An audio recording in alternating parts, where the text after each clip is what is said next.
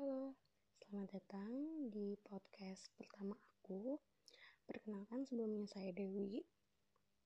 Ya, basic saya di dunia kesehatan sebenarnya. Tapi di podcast kali ini kita akan membicarakan hal-hal yang di luar itu. Jadi, eh, season pertama kita kali ini kita mencoba untuk aku aku mencoba untuk sharing terkait investasi. Jadi sebenarnya aku memulai investasi pertama kali itu satu tahun yang lalu.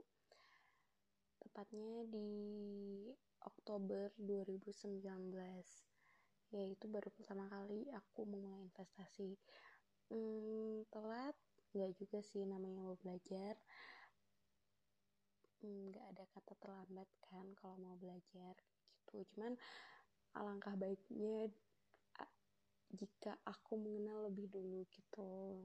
Nyesel sih tapi dulu masih beranggapan bing beranggapan yang gangga dan bingung juga gitu investasi itu apa kayak gitu. Ternyata ketika udah mempelajari tahu ilmunya sedikit demi sedikit gitu ternyata seru juga gitu dan harus kuat mental tapi tergantung resiko eh, resikonya tiap investasi masing-masing gitu. Jadi pertama kali aku investasi di reksadana. Nah reksadana sendiri itu dibagi menjadi tiga awalnya. Di reksadana pasar uang yang pertama yang kedua reksadana obligasi atau pendapatan tetap tiga itu di reksadana saham. Kemudian ada juga reksadana campuran.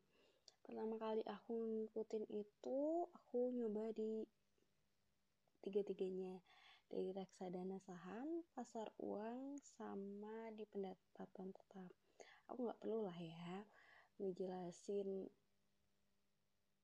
uh, reksadana apa yang aku pilih gitu dari manajemen investasi apa gitu. Cuman uh, aku cuman pengen sharing aja kalau investasi itu perlu kita lakukan fungsinya apa agar bisa melawan inflasi harga kayak gitu. Kalau misalnya kita bisa nabung di bank kenapa enggak kita nabung juga di reksadana yang uh, udah ter verifikasi oleh OJK biar kalau uh, biar lebih aman kayak gitu. Bukan berarti kalau misalnya dia udah kerjasama dengan OJK itu nggak ada resikonya tetap ada resikonya. Tapi uh, karena sudah mengikuti um, sudah mengikuti aturan jadi lebih meminimalisir dari investasi-investasi bodong kayak gitu. Jujur awal pertama kali nyoba itu takut ini uangnya ke mana ya? Ini ini untuk apa rugi ya? Kayak gitu. Cuman ya berani beranikan diri aja kayak gitu. Terus uh, selain yang pertama harus lihat dari OJK yang kedua kita harus melihat historis dari manajer investasi yang kita mau pilih itu gitu. Um, dulu sih aku cuma ngelihatnya tiga tahun ke belakang kayak gitu nggak yang jauh-jauh banget. Karena aku nge setiap ngebuka proper propertusnya gitu aku suka bingung gitu. Apa sih yang harus aku baca apa sih yang harus aku lihat kayak gitu. Karena uh, lagi-lagi aku belajarnya sendiri ya gitu. Ada beberapa hal yang aku tuh nanya ke teman-temannya aku. Cuman ya karena lagi-lagi temannya aku basicnya juga bukan orang ekonomi jadi ya uh, informasi yang aku diberikan ke aku juga uh, perlu aku pelajarin lagi gitu perlu aku dalamin lagi kayak gitu. Terus um, itu sih. Oh ya terkait resiko ya. Uh, perlu dipikirkan tiap orang itu kemampuan untuk menerima resiko terhadap investasi itu beda-beda. Nggak bisa disamain aku sama pendengar yang lainnya atau kalian semua yang ada di sana. Gitu. Um, jujur dulu ketika awal pertama kali nyoba ikut investasi gitu aku termasuk yang moderat ya. Jadi yang uh, dibilang agresif juga enggak dibilang yang biasa-biasa aja uh, yang di bawah itu juga enggak gitu. Masuknya kategori moderat karena aku pengen tuh nyoba investasi tapi aku nggak tahu ilmunya. Jadi aku takut gitu. Tapi makin ke sini sekarang masuknya ke agresif meskipun uh, sampai uh, satu tahun ini aku belum ada nyoba ke pasar saham kayak gitu. Baru nyoba ke reksadana kayak gitu. Karena yang pertama aku sebelum nyoba atau terjun ke saham aku harus tahu ilmunya dulu kayak gitu aku harus belajar banyak aku harus membaca lebih banyak lagi dan aku bisa harus mencari tahu dari orang-orang yang mungkin udah pernah mencoba di di pasar saham kayak gitu. Aku harus cari tahu dulu kayak gitu. Terus yang kedua kenapa aku belum mulai untuk investasi di saham?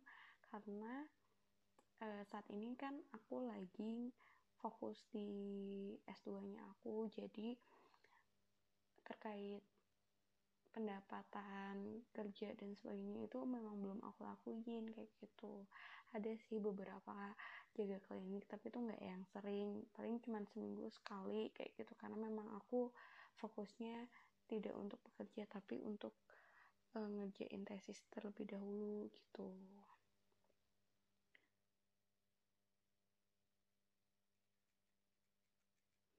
Oke terus um, lanjut. Oh iya resiko awalnya tuh aku masuknya kategori moderat ya. Terus makin ke sini masuknya kategori agresif setelah udah yakin.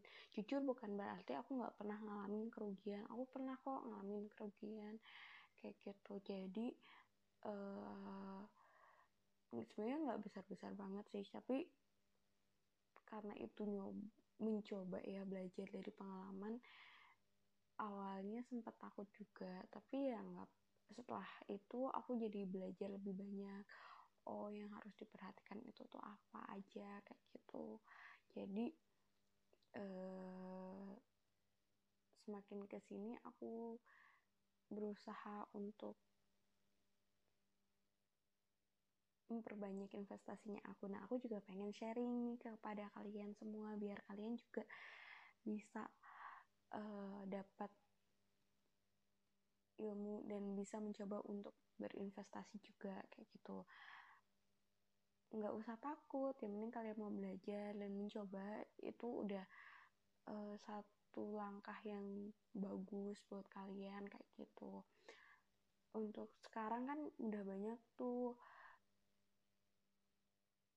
uh, ilmu-ilmu terkait investasi yang bisa kalian pelajarin gitu. Nggak cuma dari buku tapi dari podcast. Podcast juga udah banyak kayak gitu. Dari video-video yang di YouTube juga banyak. Tinggal ngetik aja investasi reksadana atau investasi emas atau investasi saham yang sesuai dengan uh, kalian mau investasinya ke ke mana aja kayak gitu gitu. Oh iya uh, yang terakhir sebelum penutup ya. Jadi aku nggak mau panjang-panjang karena ini untuk yang pertama kali aku nggak menyiapkan materi sih. Jadi apa yang ada di otaknya aku aku ungkapkan kayak gitu. Jadi kalau misalnya ada uh, ada terjeda gitu karena memang aku mikir aku harus ngomong apa kayak gitu. Karena sebenarnya banyak banget yang bisa pengen aku sharing gitu. Mungkin di podcast selanjutnya ya. Uh, aku harus ngekonsep dulu apa yang mau aku bicarain. Karena ini aku bener-bener uh, ngomongnya itu bingung gitu. Padahal yang di otak tuh banyak gitu. Hmm, yang terakhir itu uh, kalau dari akunya sih uh, ngelihat uh, penghargaan yang diterima dari manajemen investasinya itu itu penting juga. Jadi kayak uh, selain dari sana kita bisa tahu kinerja dari manajer investasi kita gitu. Oh ya manajer investasi ini jadi orang-orang orang-orang yang nggak sembarangan ya kayak gitu yang bisa kerja di sana dia paling nggak punya sertifikasi kayak gitu. Jadi itu membuat jauh lebih tenang kayak gitu. Uh, ya aku tadi ngeliat dari penghargaan penghargaan yang diterima dari si manajer investasinya itu kayak gitu. Ya kalau misalnya dia udah mendapatkan penghargaan aku rasa berarti kinerjanya bagus lah kayak gitu. Tapi semua itu tergantung pada kalian semua mau memulai kapan dan siapnya kapan kayak gitu. Kalau misalnya saat ini kalian belum siap ya nggak apa-apa sih. Yang penting kalian cari-cari infonya dulu e, belajar dulu kayak gitu. Paling nggak dengan kalian mendengarkan podcast ini kalian e, mendapat sedikit informasi dari aku gitu Hmm, udah sekian dari saya. Sampai jumpa di podcast selanjutnya. Bye.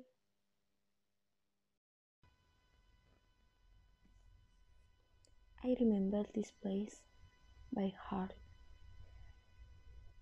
Aku akan pergi meninggalkan Jogja dan pulang ke kota kelahirannya aku. Aku nggak tahu apa yang akan terjadi jika aku kembali lagi ke Jogja. Aku harap gak banyak berubah ya, kecuali bangunan-bangunan dan infrastruktur yang jauh lebih baik. Aku harap aku dapat bertemu dengan orang-orang di Jogja. Orang-orang yang selalu hangat dan tulus untuk bisa menerima aku. Ya, aku harap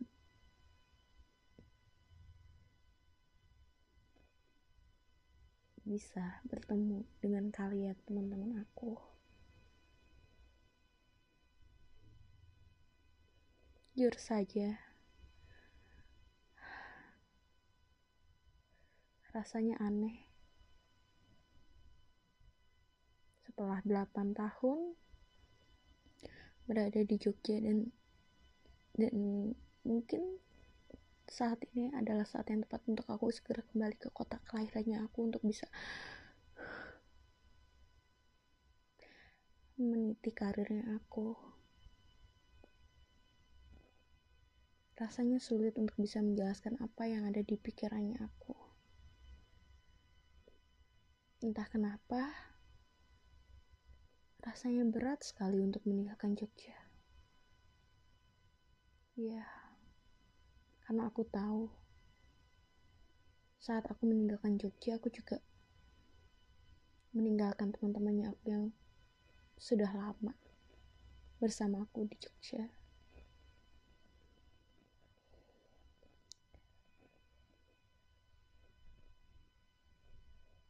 Aku pun tidak mampu untuk menahan mereka untuk selalu berada di sampingnya aku. Karena aku pun harus pergi ke kota aslinya aku.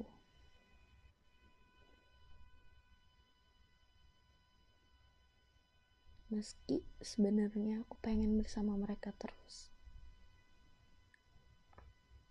Iya aku pengen punya banyak kenangan bersama mereka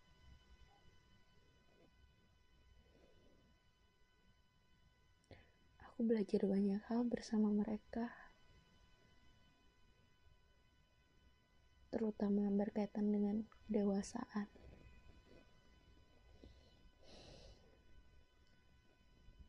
Jogja dan isinya terima kasih telah banyak memberikan pelajaran berharga buat aku. Terima kasih.